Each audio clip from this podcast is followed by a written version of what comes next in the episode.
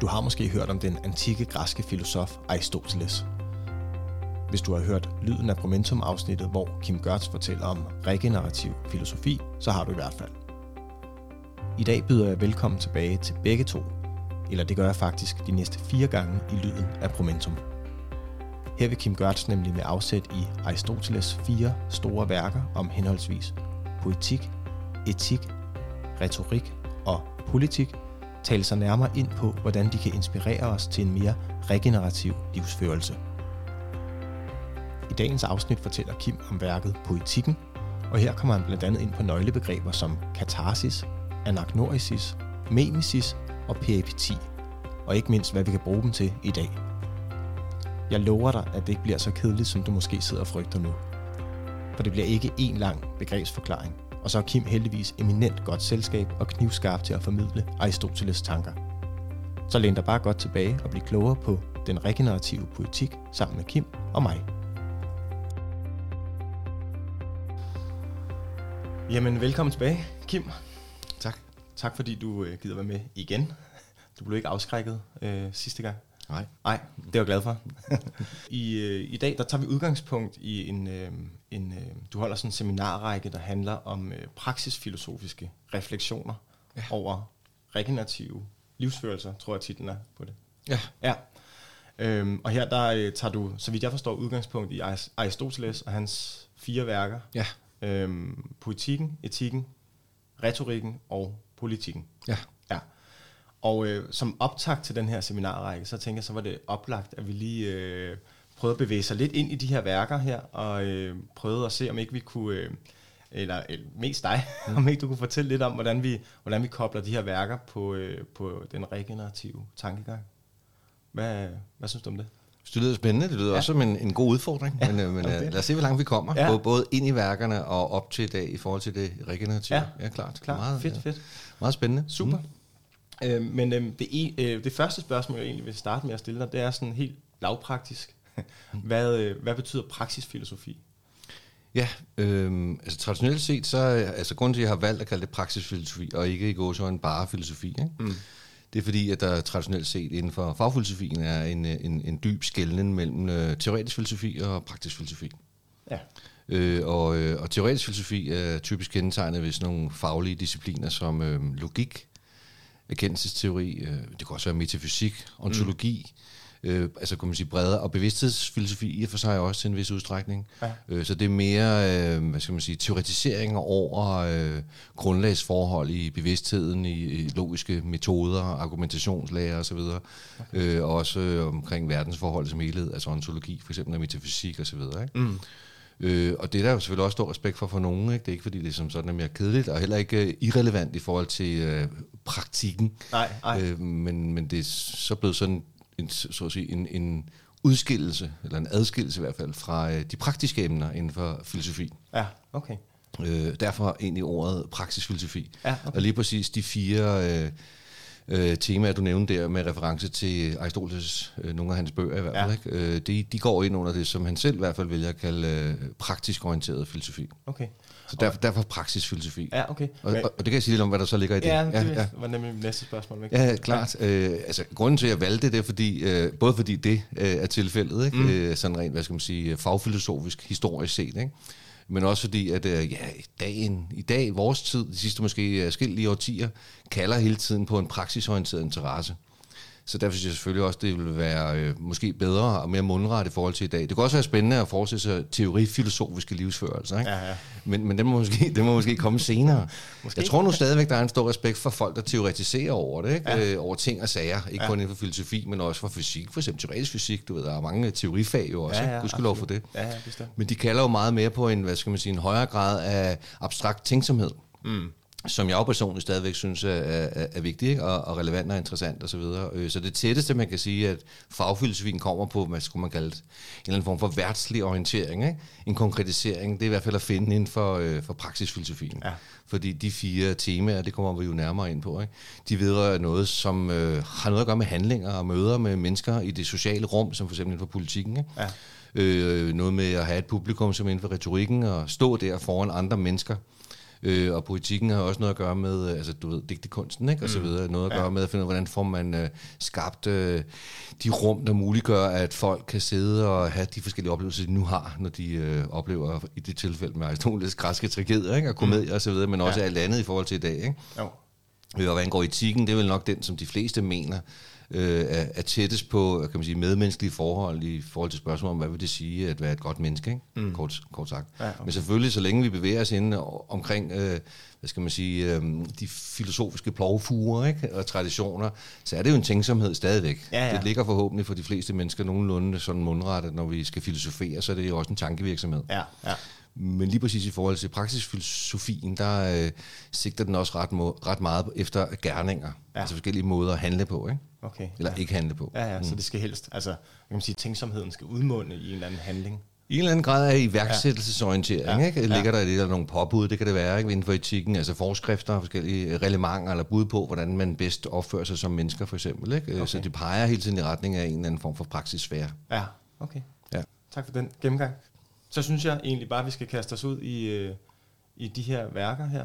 Ja. Hvis øh, du er frisk på det. Det er. Jeg kan måske Ja. lige sige som en lille appendix til, til indflyvningen Ja, her, at, øh, at foredraget, som jo nogen måske ved, eller i hvert fald dem, der var der, de første stykker, der var der den 25. august jo, den var jo en åbning til, øh, til de praksisfilosofiske øh, perspektiver på det regenerative. Ja. Hvor det jo sådan set bare, fordi det drejede sig kun om tre timer, så det var en introduktion ikke, mm. til at stille nogle spørgsmål for de forskellige vinkler, Ja, okay. som kommer fra poetikken, etikken, retorikken og politikken. Og ideen med seminar- seminarrækken er jo så at tage en af dem ad gangen, og gå Ja. ja. lidt mere i dybden med det. Ikke? Og det er det, vi Ja. så kan tale lidt om nu Så også. ud. Ja, ja, okay. Mm. Super. Mm. Men hvis vi øh, starter øh, fra toppen af, øh, eller det ved jeg ikke, om vi gør, men lad os starte med politikken. Det kan vi sagtens. Det Ja, er også øh, vil meget det. velvalgt, for det er, det er jo den første Ja, i seminarrækken, så Ja. det passer måske meget godt. ja okay, perfekt. Men politikken, hvad, hvad er det for et værk?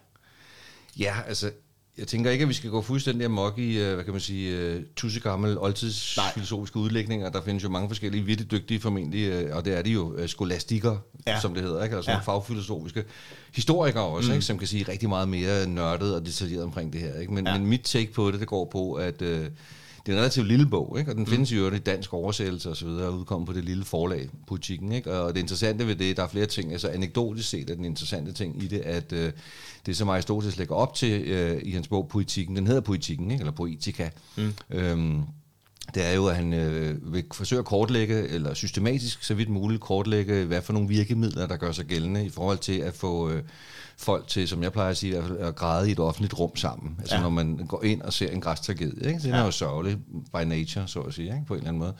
Øh, og så gælder det også for komedien, ikke? at finde ud af, hvad er det for nogle virke, virkemidler, altså digter, digter mm. skal gøre brug af, og gøre brug af, ikke? når ja. han undersøger det, når man skal få folk til at grine sammen. Ja.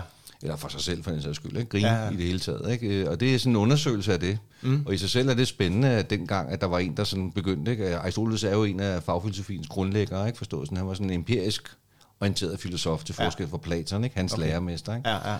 Så han forsøger også at, at, at, altså han undersøger også, hvad sker der egentlig i bylivet ikke? omkring de her emner i forhold til politik, men også så mange andre områder. Ikke? Ja, men altså, okay. Så det er også et studie, så, så, som åbner for det, man kunne kalde senere naturvidenskaben. Mm, og den okay. politiske videnskab osv., ikke? Øh, som kommer langt senere jo, som, ja. ja. som etableret institution. Ikke? Men der er, den altså, der er han i gang med at finde ud af at, at fremdrage, hvad er det egentlig, der kendetegner øh, digterkunsten, når den fungerer rigtig godt. Ikke? Ja. Øh, øh, det, der er interessant ved den anekdotisk, det er, at øh, hans introduktion jo lægger op til de to øh, sider, der, altså tragedien og komedien, men komedien er forsvundet ud af verdenshistorien Ja. simpelthen. Ikke? Og det er jo meget spændende. Man, man ved ikke, hvor den er. Altså, Nej, den er okay. simpelthen bare forsvundet. Den er simpelthen Originalen, eller i det hele taget, der findes ikke... øh, Den er gået til. Fuldstændig, ja. Ja. Og jeg har altid en lille øhm, bemærkning i forhold til Rosens navn her, hvis vi lige kan nå det. Ikke? Det Ja. er jo Umberto Ecos bog jo, Ja. som er, han er jo en mesterlig øh, forfatter, blandt mange sige. andre selvfølgelig. Ikke? Ja. Men, men den, den handler jo lige præcis, det er jo, øh, du ved, Sean Connery, ikke? Øh, som bliver sat på sagen der, i filmen, ikke? Mm. Sat på sagen med Christian Slater, som hans væbner. Ja. Ung Christian Slater Ja, ja. der, jeg kan ikke huske, hvornår den er fra filmen her i Den er 70'erne måske. Sådan. Halvgammel, tror jeg. Ja, det er lige præcis. Ikke? Men der foregår jo nogle mor i, øh, i, i, i et øh, kloster, mm. øh, og det, synes, det tegner rigtig godt den forestilling, jeg har fået i hvert fald også, øh, af hvordan munke op igennem middelalderen sad og oversatte øh, blandt andet græsk filosofi, ikke? og latiniserede det, så at sige. Ikke? Øh, og der er jo hele hovedpointen med den bog, som jeg nok ikke skal for meget omkring, ikke? Øh, men det er, at de blandt andet sidder og oversætter poetika. Mm. Øh, og øh, ja, kort sagt, så er det fordi, at man ikke må læse den der. Sådan. Altså, man må ikke lære kunsten at få folk til at grine. Altså, latteren var ikke... Øhm, det er i hvert fald en af hovedbudskaberne, ikke, tror jeg, for Umberto Eco. Ja. At det er måske en af grundene til, at den er forsvundet, fordi at... Øhm, mm. Vi skulle ikke øh, lære kunsten, altså i hvert fald ikke nej, overlevere kunsten, at uh, få folk, for til, folk at grine, og sådan nogle ting der. Nej, okay. sige, det er vi så kommet efter, ikke? Jo, jo. Satiren og stand-up ja, ja, comedy og alt muligt andet, ikke? Altså, og, romantiske komedier, og jeg ved ja, ikke hvad, ja, ikke? Masse, det, ikke, det vælter der ud af. Det er ikke helt forsvundet fra verden. Nej, men, men lige ja. præcis den, den, den, den bid, som man havde øh, dengang i hvert fald, ja. fra Aristoteles, den er så den, væk. Den er simpelthen væk. Ja. Måske, måske dukker den op, altså, ja. øh, på et eller andet tidspunkt, man ved det aldrig. Du ved, lige præcis så er der nogen, der har fundet dødehavsrullerne. Eller ja, ja, det, andet, kan, det kunne da være interessant, hvis den dukker op. Det, det som en lille, en lille sidebemærkning, også øh, protreptik, som måske også nogle af lytterne kender til, ikke? Mm. og som jeg jo har været meget optaget af, Ole Fogh Kirkeby i den grad. Ikke? Mm. Altså den oprindelige bog af, af Aristoteles, der hed Protreptikos, øh, den var væk i mange år. Den, kom, den blev fundet okay. af en franskmand i 60'erne. Jeg har ikke nærmere rigtig gået ind Nå. i, øh, hvor han fandt den og sådan nogle ting der. Men, den dukker øh, bare op. Simpelthen. Ja, ja okay. og sådan synes jeg er enormt spændende. Ja, det er da mega spændende. Jeg ved, hvem der øh, har haft den, ikke? Ja, ja. Vatikanet, eller ja, hvor, ja, hvor den gemt henne? Ja, ja, præcis. Ja, det er spændende. Men, men, med kræfter har op, ja. opbevaret den, ikke? Men, men, ja. men, men hoveddelen, som sagt, med, med poetika er at, øh, at afdække, kan man sige, de virkemidler, der muliggør, at et givet publikum kan kan græde sammen eller grine sammen. Ja, ja, okay. Det er vel det, der er det oprindelige formål med den bog der. Okay. Nu kommer jeg til at tænke på, at nu nævner ja. nemlig tragedien og komedien. Men øh, mm. altså, så vidt jeg husker, så der, øh, regner man ikke også epikken ind som Sikkert en, også, jo. Jo, jo. En, øh, en, en, en af de her tre, øh, hvad hedder det, digteforme, eller hvad man kan kalde det. Øh, men altså, den, er vel også for, den er vel også forsvundet? Så, den episke fortælling? Ja, den episke fortælling. Øh, jeg kan ikke lige huske det. Det er noget tid siden, jeg lige har læst ja, ja, hele ja. detaljen. Altså, jeg mener kun, at der har været, som jeg husker den, ikke? men altså, ja. det kan godt være, at vi bliver ringet op af en fagfilosof, ja, det kan være. Øh, professor, så ja, siger, det kan den være. står øh, på side eller andet. Øh, ja. ja. Ja, men det kan være, at vi klipper det ud så. Ja. ja.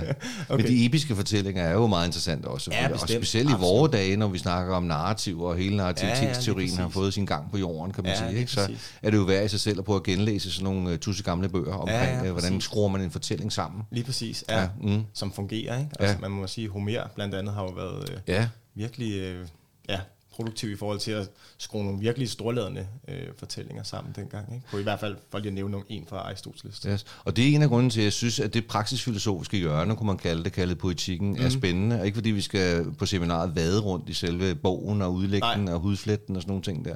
Men hele ideen om i forhold til den regenerative bevægelse, hvad er det for nogle fortællinger? Ja. Altså bruge den på den måde at sige, hvad er det, der er i, uh, i, det re- regener- altså i hvad skal man sige, den regenerative historie eller fortælling, ikke? Mm. som man uh, hører omkring uh, øh, i kulturen, eller man læser øh, om det osv. Ikke? Fortælling om jordens forfatning, for eksempel, det er ja. det store drama. Ikke? Øh, hvad, er det, øh, hvad er det i det, der får folk til at blive ked af det over det, selvfølgelig, mm. og hvad er det, der får folk til at grine, hvis der er noget at grine af lige for ja. tiden. Ikke? ja, Men hvor er håbet henne, og så videre. Ja, ikke? Derfor synes jeg, det er spændende at kaste, og det er sådan set det, der er min idé med alle fire hjørner i forhold mm. til det regenerative. Det er at sige, øh, få åbnet et refleksionsrum, som muliggør måske nogle filosofisk inspirerede øh, refleksioner, i forhold til øh, det, der er ude at gå omkring det regenerative her. Og der er ja. politikken, synes jeg, enormt interessant. Ja, ja. Og det, ja. det er perfekt, du lige nævner ja, det, ja, eller sådan ja. bringer det op, fordi mm. det er nemlig min, min næste spørgsmål. Det er, hvordan skal vi anskue politikken, eller det regenerative ud fra politikken i dag, for ligesom at binde de to ting sammen?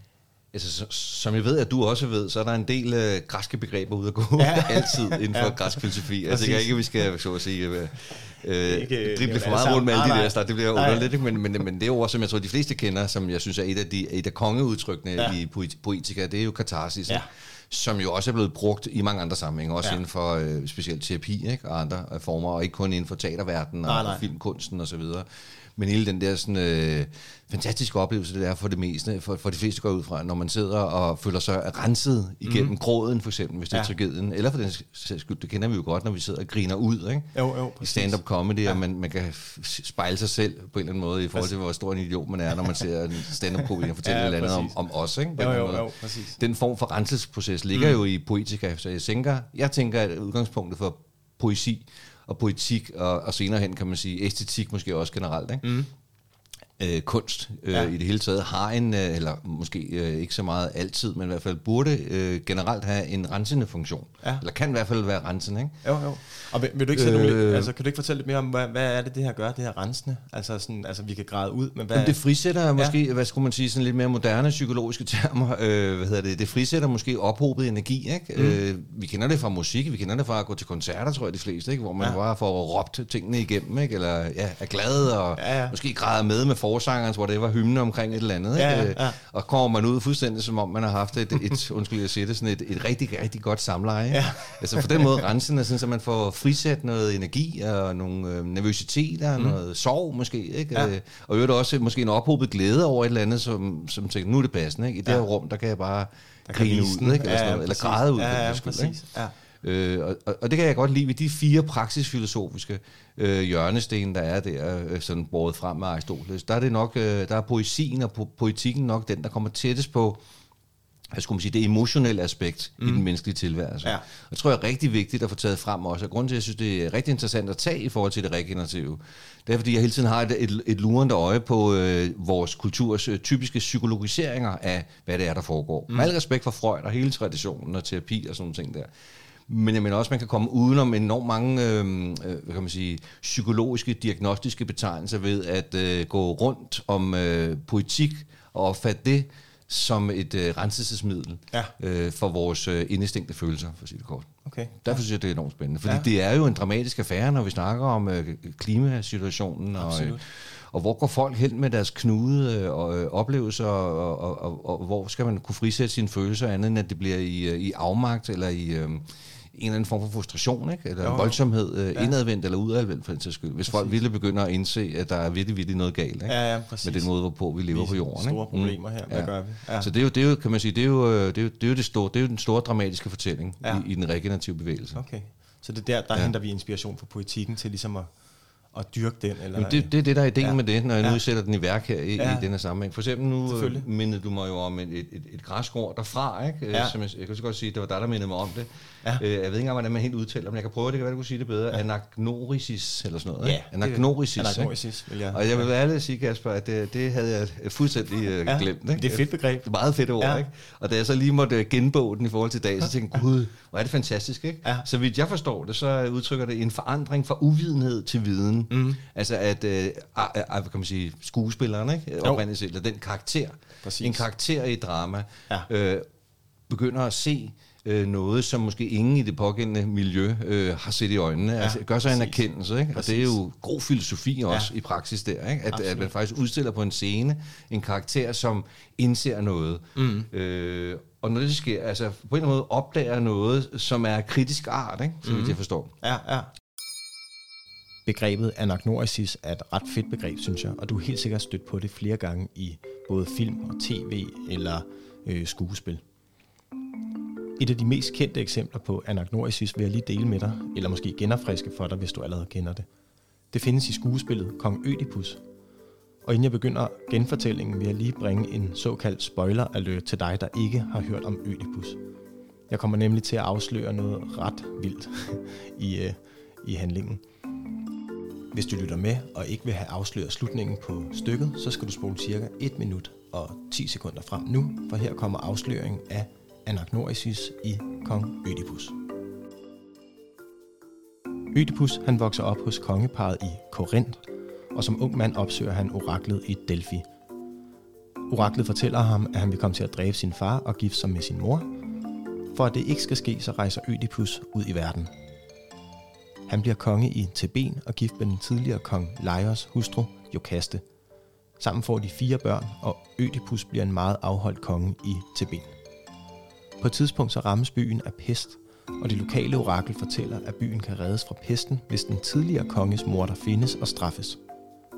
Ødipus sætter sig derfor for at finde den tidligere konges morder og straffe vedkommende. Efterhånden som opklaringsarbejdet skrider frem, så står det mere og mere klart, at Ødipus selv er den tidligere konges morder, og hvad endnu værre er, så er kong Laios hans biologiske far og Jokaste hans biologiske mor. Oraklets spådom er således gået i opfyldelse, Ødipus har dræbt sin far og giftet sig med sin mor. Anagnorisis i den her historie, det er der, hvor det hele går op for Ødipus, og den erkendelse, han får der, må jo virkelig siges at være af kritisk art. Refererer det begreb til, eller det træk, kan man sige, som Absolut. en digter skal prøve at skrive ind. Ikke? Ja, ja, og det, opdager, det oplever jo alle mulige øh, kan man sige, øh, Ja, det er ja, i alle mulige sammenhænge. skuespiller, kan man sige. film, men Ja, også i vores, vores levede liv selvfølgelig, at man Ja. pludselig indser et eller andet. Og for eksempel en regenerativ bevægelse, der er altså nogen, i godt stykke tid, skulle jeg hilse at sige, det ved du også godt, det er jo ikke noget, man lige har fundet ud af her Nej. i forgårs, vel? Vi går, vi går langt tilbage, altså Præcis. i hvert fald måske 100 år siden, før nogen begynder at sige, der er et eller andet helt galt i den måde, hvor vi begynder at, Ja. at, at, at, at misbruge naturen på. Og sådan skal ting, gøre et eller andet der, ja. Og så har der gået... Øh, Ja, så skulle vi lige igennem to verdenskrige, ikke? Og, og så videre. Og, Ja. ja. øhm, og så op i 70'erne og 80'erne, der dukker det op igen, ikke? Mm. Øh, seriøst med alle mulige former for øh, kritiske sociologer og psykologer og så videre, og sikkert så mange andre mennesker, der siger, Ja. ja. der er et eller andet helt galt her, vi bliver nødt til at Præcis. sadle om, ikke? Så de Og så- oplever sådan en anagnorisis, kan man sige det, eller hvad? Ja, det vil jeg mene, Ja, ja. ikke? Øh, Og måske mange andre også, men nu er det jo selvfølgelig dem, der får lov til at stå i historien, at man kan høre selvfølgelig. Ikke? Selvfølgelig var der formentlig var det et udtryk for, for, for en større så at sige, folkelig bevægelse. Ikke? Ja, Ja, ja. ja. Der er et eller andet galt, og om 50 år, sagde man i hal- 50 70'erne, der skal vi Ja. ja. til at virkelig være vagt for hævlund. Og det er nu, Kasper. det er nu. Ja, præcis. Og kan vide, hvor meget vi egentlig har, har lyttet efter. er. ikke? Ja, det er det. ikke? Mm. Ja, ja.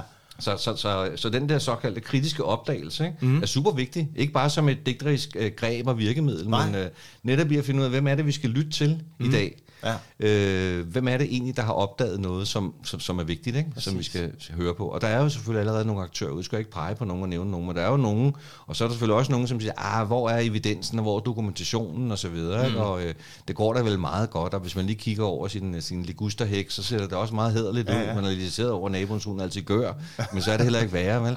Nå, men der er jo mange, der går og sover i det jo. Ja, præcis. Ja, det er Jamen, jo der spændende jo. Mm. Ja, ja. Og uhyggeligt. Ja, meget uhyggeligt, Ja, meget ja, skræmmende. Måske mere skræmmende end... øh, end Men det, men det er jo et spændende udtryk, og så har du så også, ja. øh, vi kan lige så godt tage nogle af dem, ikke? Ja, jo, øh, endelig. Det, øh, nu har vi lige snakket lidt om katarsis, den der med, at... Øh, Renselses. Det kan vi tage eventuelt lige igen. Ja. Ja. Men så har du mimesis, ikke? Som Jo. jo, også er et, øh, tror jeg, de fleste hurtigt kan fange det ord, Ja. og som vi jo har nærmest... Øh, øh, etableret inden for den del af den regenerative bevægelse, som arbejder med biomimicry. Mm. Hvis ikke du kender begrebet, som Kim nævner her, biomimicry, så dækker det over det, at vi som mennesker udvikler teknologi med inspiration fra naturen. Det kan fx være en teknologi som velcro, der er inspireret af planten buren, eller selvhelbredende cement, der er inspireret af menneskeknoglerne. Eller tænk bare på flyvemaskinen, der uden tvivl også er blevet til med inspiration fra naturen. Nå, tilbage til Kim. Altså hele, og mimesis er, betyder sådan set bare efterligning, ikke? Ja. En efterligning af virkeligheden, ikke? Ja. Og, og i øvrigt fra Aristoteles vedkommende til forskel fra Platon. Platon så jo ret meget ned på, øh, på kunsten, forstået på den måde, at man skulle efterligne virkeligheden, fordi han var meget optaget af, at det handlede om at indse virkeligheden, mm. og ikke bare efterligne den, kort sagt. Men, men Aristoteles synes jo, det var øh, i den her sammenhæng med politikken jo virkelig interessant at øh, prøve at udstille så at sige, virkeligheden i en repræsentation på scenen, så man på den måde i højere grad kunne, øh, kunne spejle sin egen situation mm. i det, man oplevede, ikke? når Ja. man var i teateret for eksempel. Ikke? Ja. Øh, ja, men han, han, han kalder det sådan set også, altså Aristoteles, han, han opfatter også mimesis som kunstens væsen, udover at det er en imitation og en spejling af noget virkeligt, forudsat, at vi jo i dag stadigvæk kan snakke om, at der er noget, der er virkeligt. Ikke? Ja.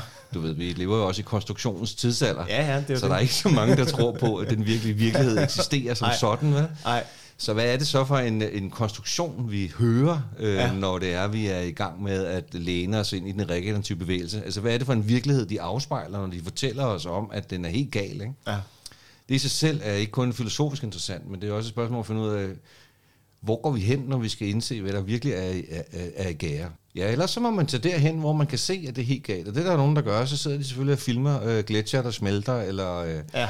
øh, ørkner, der, der, der så at sige udvider sig og så videre, Præcis. eller øh, havet dør ud og sådan nogle ting der. Så, Ja, må vi, så må vi se det, som det er med vores øh, fulde fem sanser og sådan nogle Præcis. ting der. Ikke? Ja, ja. Det vil nok mange stadigvæk mene, selvom dokumentaren, som du også ved, på en eller anden måde også er blevet en underlig nedslidt genre. Ikke? Jo, jo. Øh, hvor meget kreativitet ligger der ikke også i dokumentationerne Ja, og så videre. Ikke? Men, men hvis vi stadigvæk tror på, at der kan være så at sige øh, en-til-en relation mellem det, man oplever med sine sanser, og så det øh, faktisk så at sige. Ikke? Ja, ja.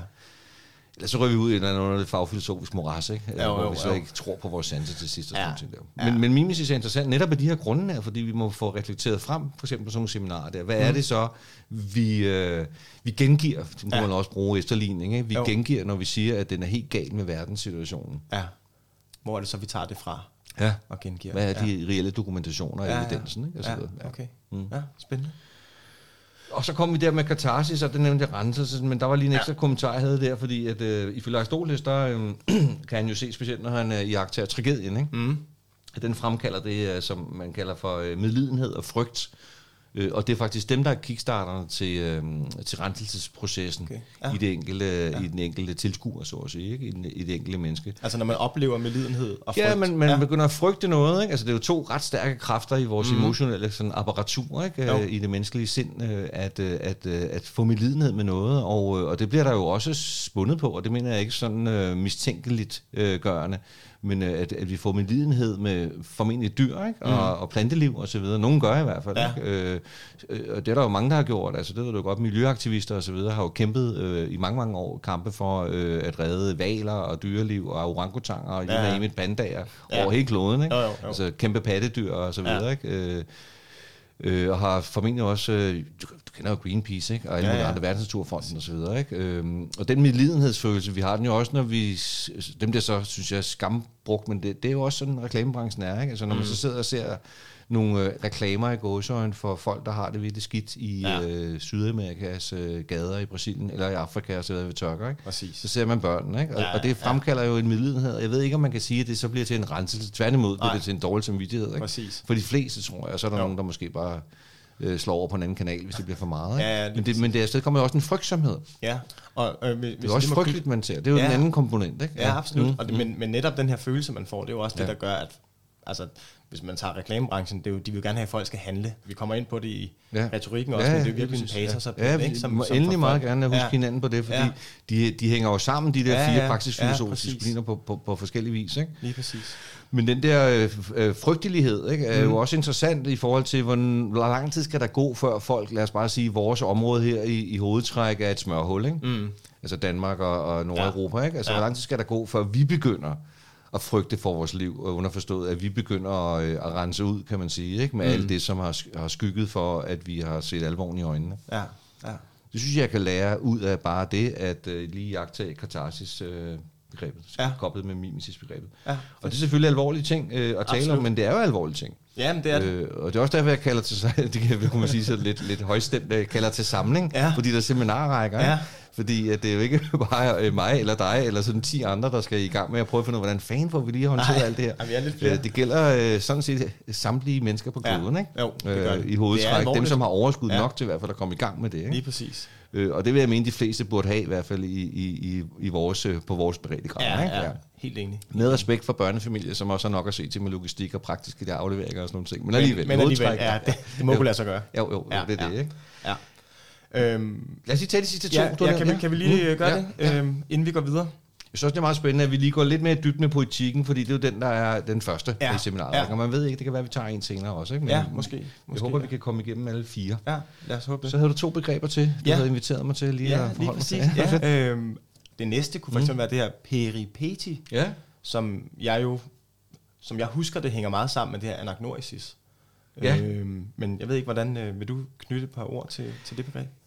Meget gerne. Altså Ja. peripeti øh, Ja. kalder jeg det, eller Ja, ja. det peripeteia, lyder- peripeteia, når det ligesom er Det i, en form for øh, i en bevægelse, eller en slags verbum eller sådan noget. Ikke? Ja. Og peripeteia, peripet, øh, peripatetikerne, tror jeg, man kalder aristotelikerne også. Okay. og kalder dem det, og det, Ja. og det er sådan, hvis frit oversat til søjlegængerne. Okay. Altså, det er sådan, de går rundt om, og det hele den der vendingsmetafor er enormt spændende i det hele Ja. taget, også fra Aristoteles. Ja. Den har man også i protreptikken. Mm-hmm. øh, øh, men man har den jo også overlevet ind i kristendommen som et, som et vendepunkt, eller en omvending hedder det, mm. så man bliver omvendt. Ja. Ikke? Det, Ja. ja. det kender du jo godt også i religiøs spirituelle sammenhæng, man bliver omvendt, og så bliver man en del pludselig af en sekt, og så pludselig er det noget værre noget, man synes der, de andre. Ikke? Ja, ja. Men hele omvendelsesmetaforen, så at sige, den ligger lige der. Ja. Øh, og, og sådan stilistisk, som et, som et, så at sige, digterisk greb og virkemiddel, der handler det jo om, at, øh, og det kender en hvilken som helst filminstruktør også, ikke? Mm. og folk, der har set film og lige luret lidt på de dramaturgiske modeller, så kommer der det, man kalder et pludseligt omslag, Ja. som laver en eller anden form for en vending, hvor man siger, okay, nærmest point of no return, Præcis. typisk, ikke? Jo, jo. Øh, hvor man siger, okay, der skete noget her, ikke? Ja. Øh, og så rykker det for alvor. Ikke? Ja, præcis. Og inden for den, øh, ikke kun inden for det, men i hvert fald også inden for den regenerative bevægelse, når man specielt også arbejder inden for, øh, hvad kan man sige, øh, forestillingen og konstruktionerne af virkeligheden som øh, levende økosystemer. Ikke? Så mm. taler man jo også om tipping points. Ja.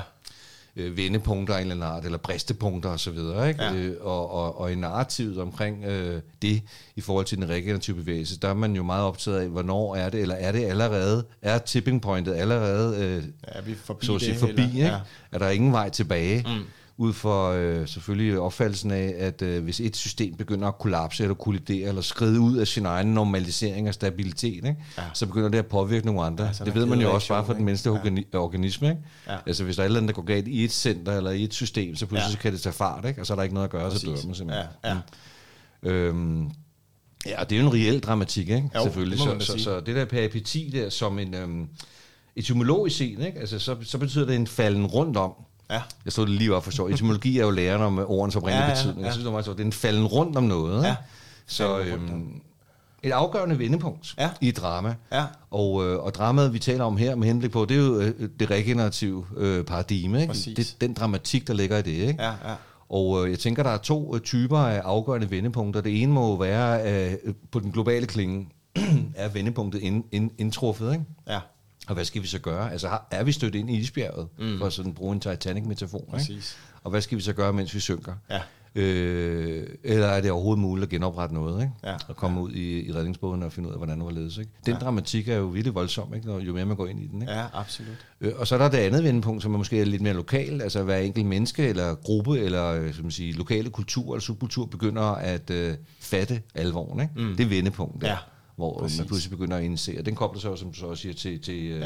Ja, lige præcis. Ja, Ja, at der ja. kommer en forandring fra Præcis. at være uviden eller ignorant, Ja, til ja. pludselig, okay, jeg tror sgu på, der er, der er sgu noget om snakken, du. Ja. Så bliver jeg nødt til at tage mig sammen og finde ud af, hvad jeg skal gøres gøre. noget. Ikke? Ja. Ja. Det er spændende, det, det er Ja. spændende, det er jo ikke bare en metafor, men det er jo et greb, som, øh, som, som erfares i ens øh, faktiske liv også. Ikke? Der er jo mm. mange vendepunkter i vores liv, jo. Ja, det- og ikke kun det i forhold til valg, man træffer og uddannelse, hvad ved jeg, men, men der kan ske noget i ens liv, øh, som pludselig bliver afgørende. Altså skældsættende momenter, vil jeg Ja. kalde det. Ja, Jeg tror. Kierkegaard vil kalde det øjeblikket, det er hans brev om øjeblikket. Ja, Altså som har afgørende betydning ikke? Ja, okay. for, for, for, for ens liv, eller for vores liv. ja. Så det spørgsmålet er, om øjeblikket er indtruffet jo. Ja, det er jo så det. til det regenerative, Ja, ja. det, Alright, så, Ja. ja. så der er stor dramatik også i Peripetaya der. ja, Mm, mm, ja. Pattaya, jamen det er der. Mm. Øhm, jeg synes faktisk, vi skal gå videre Det synes til jeg, det synes jeg. hvis, øh, Let's turn the ja, page. Ja, lige præcis. Mm. Det var altså poetikken set med de regenerative briller, eller det regenerative set med de poetiske briller, om man vil. I næste afsnit af vores praksisfilosofiske følgetong vil Kim tage fat på Aristoteles værk Etikken, eller den nikomakæiske etik, som den også kaldes. Og med den i hånden vil han og jeg udforske, hvad vi kan bruge den til i en regenerativ sammenhæng. Så vi høres ved.